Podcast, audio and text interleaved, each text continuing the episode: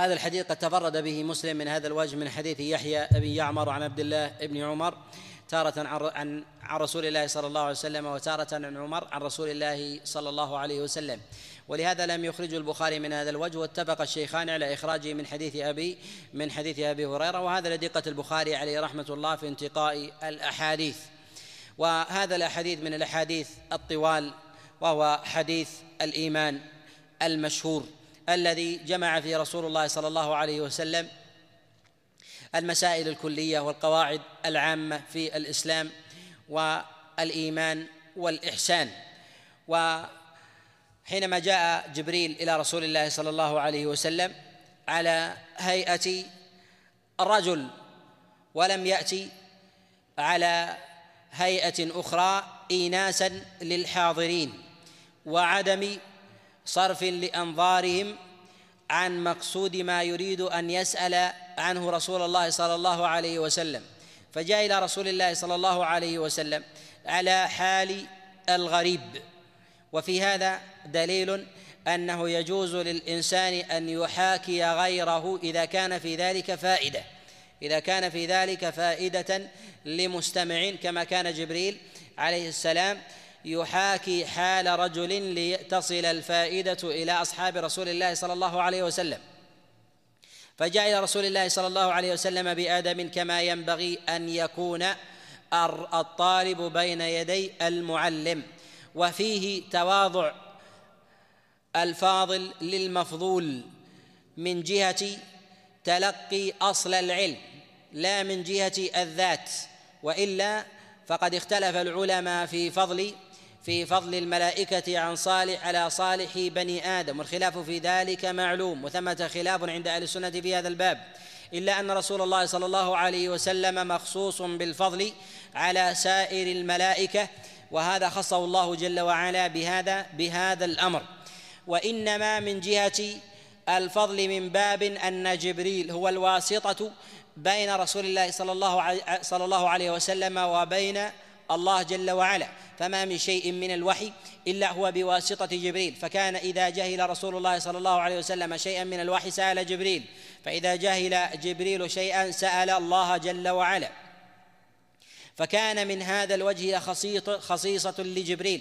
ولهذا قد روى الخطيب البغدادي في كتابه الكفاية من حديث أحمد بن زيد بن هارون أنه قال إنما هي يعني الشريعة إنما هي صالح عن صالح وصالح عن تابع وتابع عن صاحب وصاحب عن رسول الله ورسول الله عن جبريل وجبريل عن الله. يعني هذا هو إسناد شريعة محمد. وما من شيء من الشريعة إلا هو بواسطة هذا الإسناد إلا شريعة واحدة وهي شريعة الصلاة. أخذها رسول الله صلى الله عليه وسلم من ربه كفاحا بلا بلا واسطة. وهذا لمزية هذه العبادة وفضلها على سائر على سائر الأعمال. فجاء إلى رسول الله صلى الله عليه وسلم فأسند ركبتيه إلى ركبتيه وهذا من جلسات طالب العلم بين يدي العالم التي يظهر فيها التواضع والتذلل بين يدي بين يدي العالم من قبل المتعلم ووضع كفيه على فخذيه. قيل انه وضع كفي جبريل على فخذ رسول الله صلى الله عليه وسلم أو وضع كفي جبريل على فخذي جبريل. والثاني هو الأظهر وهذا هو الاليق ادبا. فإن أن يضع الإنسان يده على فخذي غيره فإن هذا فإن هذا ملفت للنظر والسائغ والذي يجري عليه الناس في حال مثل هذه الجلسة أنه إذا وضع أو وضع ركبتيه على ركبتي أحد أي كان محاذيا له فإنه يضع كفيه على فخذيه من باب من باب الأدب والخشوع وحسن الإنصات. وفيه أنه ينبغي للإنسان في حال التعلم أن تسكن جوارحه أن تسكن جوارحه من جهة اليدين. والرأس ونحو ذلك حتى لا يشغل المتكلم بشيء بشيء من فضول الحركة. لهذا ينبغي له أن يسكن أن يسكن من جهة الجوارح باليدين فيضعها على هيئة معلومة سواء على فخذيه أو في حجره أو على صدره حتى يكون من أهل من أهل الإنصات. فلا ينشغل المتكلم وكذلك ينشغل ينشغل السامعون فينصرفون عن مقصود المتكلم. وبهذا جبريل أراد أن يقدم شحذا لانتباه أصحاب رسول الله صلى الله عليه وسلم أن ينتبهوا لمراده. فسأل رسول الله صلى الله عليه وسلم عن جملة من المسائل العظيمة جليلة القدر وسأله عن ثلاثة مسائل وأردفها بشيء من أخبار الساعة وأشراطها. والمسائل الثلاث هي عن الإسلام والإيمان والإحسان والتي عليها والتي عليها مدار مدار الدين من جهة الكمال أو النقصان. سأل جبريل رسول الله صلى الله عليه وسلم عن الإسلام فقال الإسلام أن تشهد أن لا إله إلا الله وأن محمد رسول الله وتقيم الصلاة وتؤتي الزكاة وتصوم رمضان وتحج البيت إن استطعت إليه سبيلا. الإسلام هو الاستسلام لله جل وعلا والانقياد له سبحانه وتعالى بالطاعة والخلوص من كل ما يناقض ما يناقض ذلك. والإسلام هو شامل لعمل الظاهر والباطن. الظاهر من أعمال الجوارح وقول اللسان والباطن هو سلامه سلامة الجنان. فإذا سلمت هذه الأمور للإنسان فإنه مستحق للوصف بالإسلام. واختلف العلماء في الإسلام والإيمان والإحسان هل بينها عموما وخصوص أم أنها مترادفة من جهة المعنى؟ من العلماء من قال أنها من قال أنها مترادفة وخاصة الإسلام والإيمان. وهذا رواية عن الإمام أحمد. ومنهم من قال أن بينها عموما وخصوصا كمسألة الفقير الفقير والمسكين. والذي يظهر والله أعلم أن بينها بينها من العموم والخصوص ما يعضده ما تعضده الأدلة منها هذا هذا الحديث. والإسلام عرفه رسول الله صلى الله عليه وسلم إجابة لجبريل فيه إشارة أنه لا حرج على الإنسان أن يتصنع جوابا لمن يعلم هذا الجواب يريد بذلك أن يسمع غيره. فرسول الله صلى الله عليه وسلم كان يعلم أن هذا جبريل وجبريل يعلم ومنه أخذ رسول الله صلى الله عليه وسلم هذه المسائل. فلا حرج على المعلم أن يعلم أن يعلم شخصا ويقصده بغيره ويعلم أنه عالم بهذه المسألة ويريد بذلك ويريد بذلك الغير. وفيه إشارة أنه لا حرج على الإنسان أن يتواطأ مع غيره من المتعلمين أن يسأله سؤالا ليتبين المقصود عند عند غيره. وهذا ظاهر من عمل جبريل مع رسول الله صلى الله عليه وسلم. واسترسال النبي عليه الصلاة والسلام ظاهر في فهم مراد جبريل من إفهام من إفهام غيره. فأجاب رسول الله صلى الله عليه وسلم بأركان الإسلام. وإنما اصطلح العلماء على أركان الإسلام الخمسة هذه. استدلالا بما جاء في حديث عبد الله بن عمر في قول رسول الله صلى الله عليه وسلم بني الإسلام على خمس شهادة أن لا إله إلا الله إلى آخر الخبر. وسميت أركانا استنباطا من قوله عليه الصلاة والسلام بني إشارة إلى أن الإسلام بناء و أركانه هي ما أخبر به رسول الله صلى الله عليه وسلم في هذه في هذه المواضع. فذكر رسول الله صلى الله عليه وسلم شهادة أن لا إله إلا الله وأن محمد رسول الله وهي التوحيد. في هاتين العبارتين هي التوحيد. ودليل ذلك ما جاء في البخاري من حديث أبي معبد عن عبد الله بن عباس أن رسول الله صلى الله عليه وسلم بعث معاذا إلى اليمن فقال إنك تأتي أهل الكتاب فليكن أول ما تدعوهم إليه شهادة أن لا إله إلا الله وأن محمد رسول الله. جاء في موضع في البخاري فليكن أول ما تدعوهم إليه إلى أن يوحدوا الله. فاستعاض عن الشهادتين بكلمة التوحيد. وكلمة التوحيد بهذه العبارة وهذا الاصطلاح لم تكن في كلام رسول الله صلى الله عليه وسلم من جهة هذا الاصطلاح وإنما وجد أصلها من وحد أو وحد و ويوحد ونحو ذلك. أما التوحيد فهو اصطلاح اصطلح عليه العلماء واستقر عليه المعنى المعلوم. و شهادة لا إله إلا الله شهادة المراد بذلك هو الإخبار عما في القلب. فيظهره الإنسان لغيره حتى حتى يروه وهو من باب الإشهار.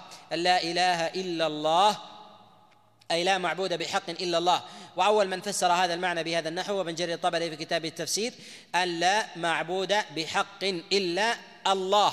والله قيل أنه هو اسم اسم اسم الله جل وعلا الأعظم. والله من جهة المعاني هو أشمل هذه المعاني على على أشمل المعاني المتضمنة لأسماء الله جل وعلا وصفاته. فقد اختلف العلماء في أصل الاشتقاق من كلمة الله جل وعلا. قيل أنها مشتقة من من اله يعني ارتفع. وهذا معلوم في لغة العرب ولهذا يقول الشاعر تروحنا من الدهناء. عصرا وأعجلنا الإلهة أن تغيب والمراد بذلك الشمس يعني هي التي أعجلتنا قبل أن تغيب. نريد أن نصل إلى إلى بلداننا. وقيل أنه مشتق من التجاء العبد بربه سبحانه وتعالى وهذا موجود أيضا في أشعار العرب. ولهذا يقول الشاعر ألهت إليكم في أمور تنوبني فألفيتكم منها كراما اماجدا يعني يلتجئ إليهم في في النوائب. وقيل هو عدم التغير ودوام البقاء أي أن الله جل وعلا أول ليس له ابتداء وآخر ليس له ليس له انتهاء. وهذا وهذا معلوم. ومن ذلك قول الشاعر ألهنا بدار لا تبين رسومها كأن بقاياها وشام على اليد أي أننا بقينا وأطلنا. المكث في ذلك وقيل المراد بذلك هو التعبد لله عز وجل والتذلل والخضوع. ولهذا يقول الشاعر لله در الغانيات المدهي سبحنا واسترجعنا من تأله يعني من تعبد لله جل وعلا وتعلق به سبحانه وتعالى. وقيل أن المراد بذلك هو الخفاء أن الله جل وعلا قد حجب نفسه عن عباده في هذه الدنيا فلم يري الله جل وعلا نفسه أحدا من خلقه. من خلقه لا لا أحد من الأنبياء ولا من أتباع من أتباع الأنبياء. وهذا وهذا معلوم وله أصل أيضا في لغة في لغة العرب. فلما كانت شاملة لهذه المعاني العديدة كان هذا المعنى هو من أو هذا الاسم من الأسماء الذي ينبغي للإنسان أن يلتجئ إلى الله جل وعلا به. لهذا كان رسول الله صلى الله عليه وسلم يكثر من دعائه بقول اللهم فجعلها باب الدعاء أي يا الله. فكانت أكثر استعمالا في كلام رسول الله صلى الله عليه وسلم وكثرة الاستعمال دليل على مزيد خصيصة في هذا في هذا الباب. ولا نريد أن نتكلم على مسائل الاعتقاد في هذا الباب وإنما نتكلم على الأصول العامة. وفي قوله عليه الصلاة والسلام و... وأن محمدا رسول الله يعني أن الله جل وعلا خصه برسالة أنزلها إليه بواسطة جبريل أنزل الله جل وعلا عليه كتابه العظيم الذي لا ياتي الباطل من بين يديه ولا من خلفه وأن الله جل وعلا قد حفظ هذا الكتاب العظيم. والركن الثاني من أركان الإسلام هي الصلاة والصلاة هي أعظم الأركان العملية. ولهذا قد جاء لفظ التكفير في تاركها أكثر وأظهر من تارك بقية الأركان من غير التوحيد والصلاة. وهذا جاء قد جاء رسول الله صلى الله عليه وسلم في حديث جابر بن عبد الله في صحيح الإمام مسلم وجاء أيضا في حديث بريدة ويرويه عنه ابنه عبد الله عند عند اصحاب عند أصحاب السنن. وكذلك أيضا في قول رسول الله صلى الله عليه وسلم وإيتاء الزكاة والمراد بإيتاء الزكاة وإخراج ما وجب في حق مال الإنسان سواء كان من النقدين من الذهب والفضة أو كذلك ما في حكمها ما في حكم هذه الأموال من بهيمة الأنعام أو كذلك أيضا من عروض من عروض التجارة. في شيء. أو عروض التجارة. و وهذه إنما خصت بأركان الإسلام لأهميتها وفضلها وعلو مقامها وكذلك خطر المفرط المفرط فيها. ثم قال عليه الصلاة والسلام وصوم رمضان وحج البيت من استطاع إليه سبيلا.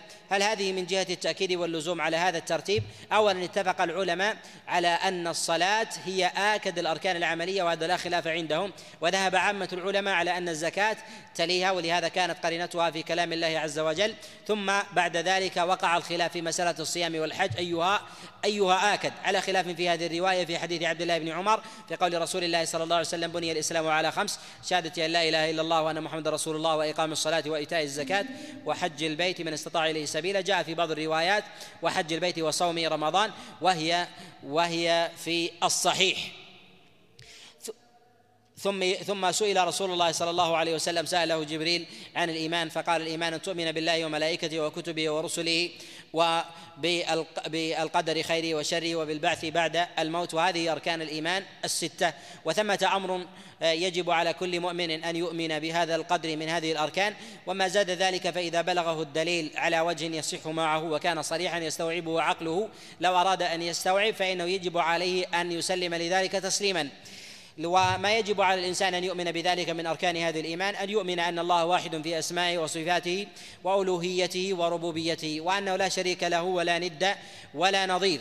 أن يؤمن بذلك وأن الله جل وعلا قد سمى نفسه بأسماء ووصف نفسه بصفات ما ورد فيها من كلام الله عز وجل وما جاء في كلام رسول الله صلى الله عليه وسلم ومنها ما استأثر الله عز وجل بها في علم الغيب عنده يؤمن بهذا الإطلاق وما ورد إليه من جملة التفاصيل فإنه إذا ورد إليه يؤمن يؤمن بها وكذلك يمضيها من غير نظر في تكييف. كذلك أيضا ينبغي أن يلتمس إلى يلتمس حال فهوم العامة أنها لا تطرق إليهم الأسماء التي لا يدركون معانيها إلا بمشقة أو يتبادر إلى أذهانهم نوع من التشبيه فينصرف إلى ذلك ولا ينصرف إلا إلى المعاني الظاهرة التي تتعلق بها قلوبهم فإن تمكنوا وقربوا من الإيمان فإنهم يعلمون ذلك. ولهذا رسول الله صلى الله عليه وسلم لما كان يدعو كما روى ابن جرير الطبري في كتابه التفسير فيقول يا رحمن يا رحيم. قال كفار قريش وما الرحمن؟ أنزل الله جل وعلا على نبيه عليه الصلاة والسلام قل ادعوا الله أو ادعوا الرحمن أيما تدعو له الأسماء الحسنى. يعني ليست العبرة بهذا اللفظ وإنما العبرة بالمعنى الذي ينبغي الإنسان أن يقتدي به. لهذا ينبغي الإنسان أن يهتم بالمعاني بعيدا عن الألفاظ وأن لا يأتي بالألفاظ لأنه لو جاء بالألفاظ كان فرض الإيمان بها. وأن لا يكذب الإنسان بشيء من الألفاظ قد ذكره الله جل وعلا في كتابه العظيم أو تواترت به السنة. فلا يبادر بذكر الألفاظ التي ربما تستنكرها بعض أفهام الناس ممن قصر قصر فهمه. وأن يؤمن بالله وأن الله جل وعلا متصرف في خلقه غني عنهم غنى غنى تاما وأن العباد مفتقرون إليه وأنهم كلهم عبيد مأمورون بالتذلل والتعبد لله جل وعلا. وملائكته وأي أن الله لله جل وعلا ملائكة مقربون. ليسوا بأبناء الله. وليسوا بإناث ولا ذكور وأنهم يعبدون الله جل وعلا ويفعلون ما يؤمرون. وأنهم خلق من خلق الله جل وعلا متذللون مفتقرون لله سبحانه وتعالى. وأن الله جل وعلا ما خلقهم حاجة حاجة إليهم. وإنما لتسيير شؤون الخلق بخلق أسبابها. ويؤمن بما ذكره الله جل وعلا من أسمائهم في كتابه العظيم مما يرد مما يرد إلى إلى ذهنه. ويجب أن يقطع وأن يؤمن أن الله جل وعلا خص جبريل بالوحي. أنزله الله جل وعلا بواسطته على نبيه محمد صلى الله عليه وسلم. وأنه لن لم ينزل ولن ينزل على أحد من هذه الأمة بعد رسول الله صلى الله عليه وسلم إلى قيام إلى قيام الساعة وأن يؤمن برسل الله أن أن لله جل وعلا رسل أرسلهم إلى خلقه. منهم من سمى الله جل وعلا في كتابه العظيم ومنهم من لم يسمي منهم أولو العزم وآخرهم محمد صلى الله عليه وسلم. خصه الله جل وعلا بجملة من الخصائص منها أنه خاتم الأنبياء وأن الله جل وعلا أرسله إلى الناس كافة وأن الله جل وعلا قد أرسله بصلاح دين الناس. ودنياهم وأنه عليه الصلاة والسلام يقتدى به وأنه معصوم وأنه لا نبي بعد محمد صلى الله عليه وسلم.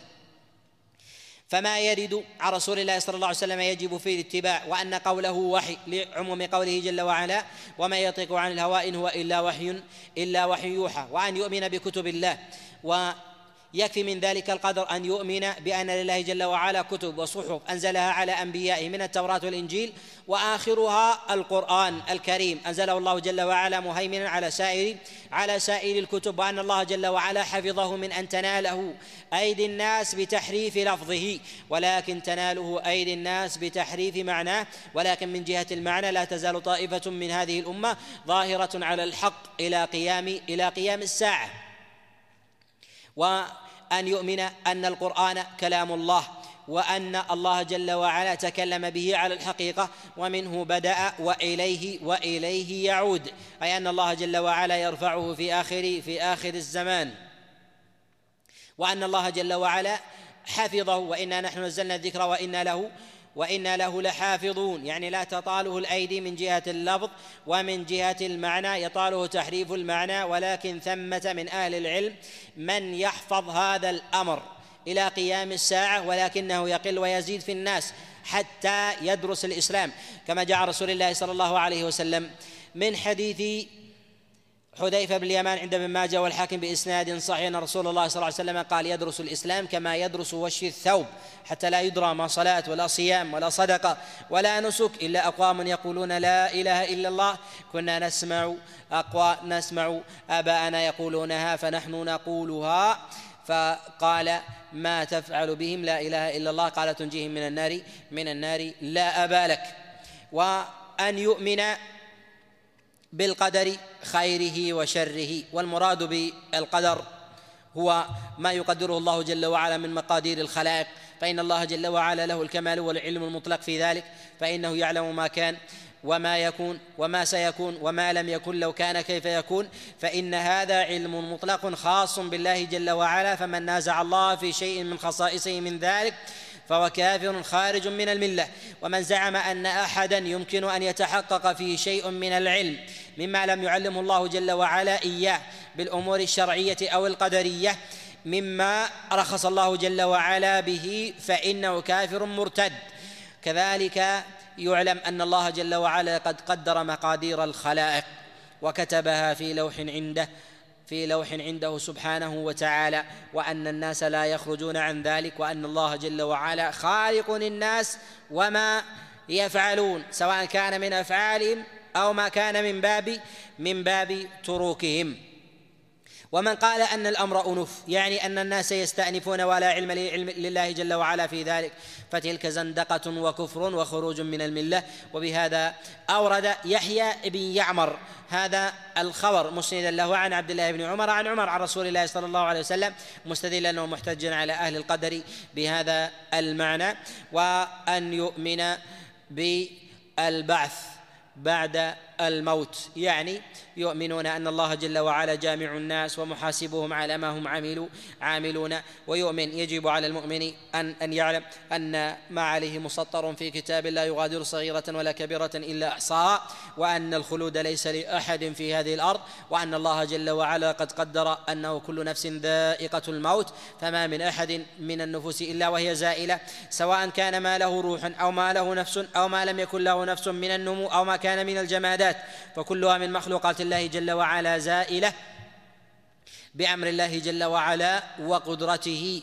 ولا يبقى إلا وجه وجه الله جل وعلا ذو الجلال ذو الجلال والإكرام. ويحاسب الله جل وعلا الخلق. ولا يجب على الإنسان أن يؤمن بتفاصيل ذلك من من طريقة الميزان. إلا إذا ورد إليه الدليل فإنه يجب أن يؤمن به. ومن ارتد ومن كفر بالدليل الذي ورد إليه فإن إذا كان من الأمور المتواترة وأثبتت له وكان من المقطوع به وجب عليه وجب عليه أن يؤمن وإلا كان مرتدا. وأما ما كان من مما مما يثبت من جهة الظن أو كانت دلالته ظنية فإنه لا يكفر ب لا يكفر بذلك ما دام أنه يؤمن بأصل البعث والحساب والجنة والجنة والنار وأن الله جل وعلا محاسب الناس على ما هم عاملون ويحاسب الله جل وعلا غير الثقلين. البهائم يحاسبها الله جل وعلا يوم القيامة بنوع واحد من أنواع الحساب. كما جاء في صحيح الإمام مسلم من حديث العلاء بن عبد الرحمن عن أبيه عن أبي هريرة أن رسول الله صلى الله عليه وسلم قال لتؤدن الحقوق إلى أهلها ولا يقتصن الله يوم القيامة من الشاة القرناء للشاة الجماء فيكون حينئذ باب المظالم يجري حتى على البهائم ثم يقول الله عز وجل لها كوني ترابا وهذا لعظم عدل الله عز وجل بين بين خلقه. وتمام فضله وإحسانه وكذلك بيان قدر قدر الظلم. فإذا كان يفصل فيه بين بين البهائم فهو في بي بين بني آدم ولو كان دقيقا من باب من باب أولى. ثم سأل جبريل رسول الله صلى الله عليه وسلم عن الإحسان. الإحسان مشتق من الحسن والحسن هو قدر زائد على الفعل والعمل. فما من عمل من الأعمال يفعله الإنسان إلا فثمة قدر مجزئ وقدر كمال يكمل به العبادة. فإذا زاد عن قدر الكمال كان ذلك ابتداعا واحداثا. فما يأتي على العبادات من التحسينات التي يفعلها الإنسان من مما زاد عن قدر الكمال فإنه من الإحداث والابتداع. وما كان ناقصا عن قدر الإجزاء فهذا من فهذا من فهذا من الإسراف والتقصير في جنب الله. فما من عبادة من العبادات من الفرائض من أركان الإسلام أو كذلك من المستحبات إلا وفيها إلا وفيها هذان القدران. والإحسان هو أن يعبد الإنسان الله جل وعلا كأنه يراه. فإذا لم يكن يراه فإنه يراه يعني الله جل وعلا. والمراد من هذا المعنى بالتمثيل أن الإنسان إذا كان خادما عند غيره فإنه إذا كان يراقبه سيده فإنه يحسن العمل ويكون متقنا له مخلصا دقيقا في عمله بخلاف لو انصرف عنه سيده. وهذا يلاحظ عند الأجراء وعند العبيد فإنهم إذا كان يراهم سيدهم. فإنه فإنه يحسن العمل. وإذا انصرف إلا عند الخلص الذين يراقبون الله جل وعلا يتقنون العمل في الغيب والشهادة. كذلك في باب العبادة عند الله جل وعلا فإن العبد عند الله سبحانه وتعالى في حال شهوده أو بين يديه كفاحا على السواء لأن الله جل وعلا يرى عبده وإن لم يره وإن لم يره العبد.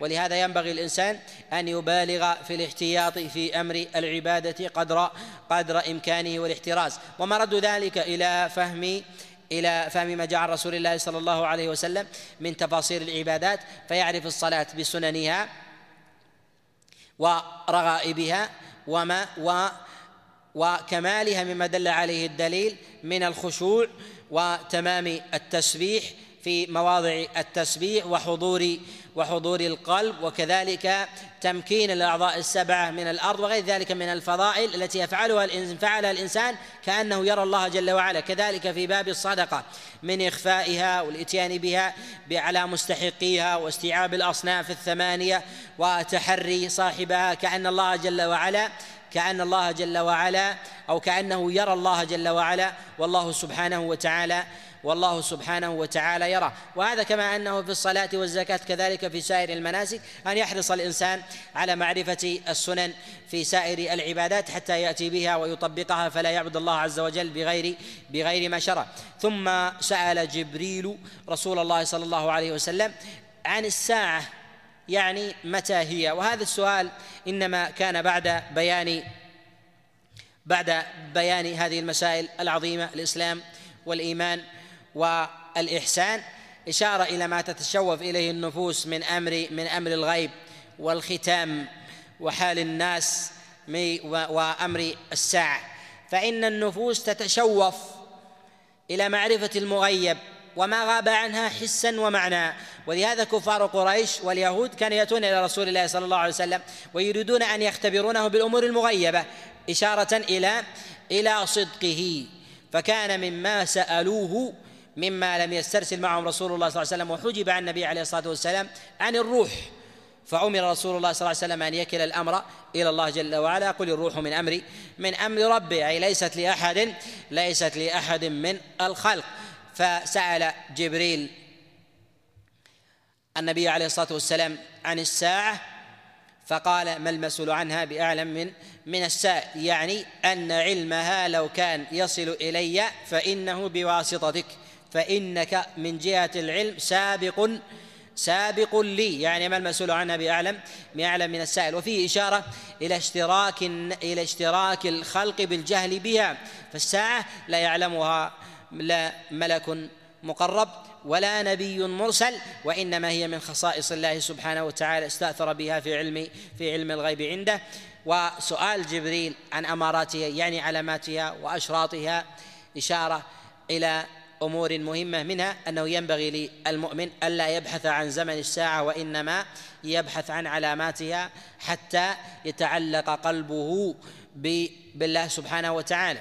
فإن الإنسان إذا كان ينتظر قافلة يسأل عن السابقين عن هذه القافلة الذين يشقون الطريق أو الذين يحملون الأخبار ونحو ذلك قبل أن يسأل عن يسأل ذات القافلة التي تحمل الأرزاق ونحو ذلك فكيف بأمر عظيم وهو الساعة والساعة أدهى وأمر مما ينبغي للإنسان أن يعتني بأمرها والإكثار بالإكثار من من العمل استعدادا استعدادا لها و لا سبيل للإنسان بمعرفة قربها أو بعدها إلا بهذه الأمارات. وقد سأل جبريل رسول الله صلى الله عليه وسلم عن شيء من أماراتها فذكر له رسول الله صلى الله عليه وسلم شيئا من ذلك منها أن يتطاول الناس بالبنيان يعني أن أو أن أن يكون أهل أهل الرعي من الأغنام يمكن الله جل وعلا لهم في الأرض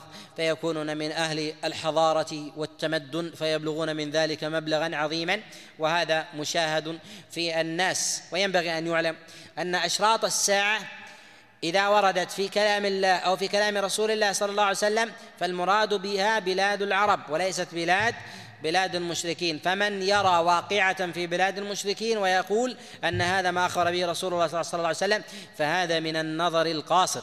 فإن رسول الله صلى الله عليه وسلم في سائر وجميع أشراط الساعة أراد بها أراد بها مواضع مواضع العرب والعرب بذاتهم لا لا غير سواء من ظهور المنكرات أو الربا أو الزنا أو الخسوف أو غير ذلك فإن كلها هي في بلاد في بلاد العرب ليس في غير في غيرها.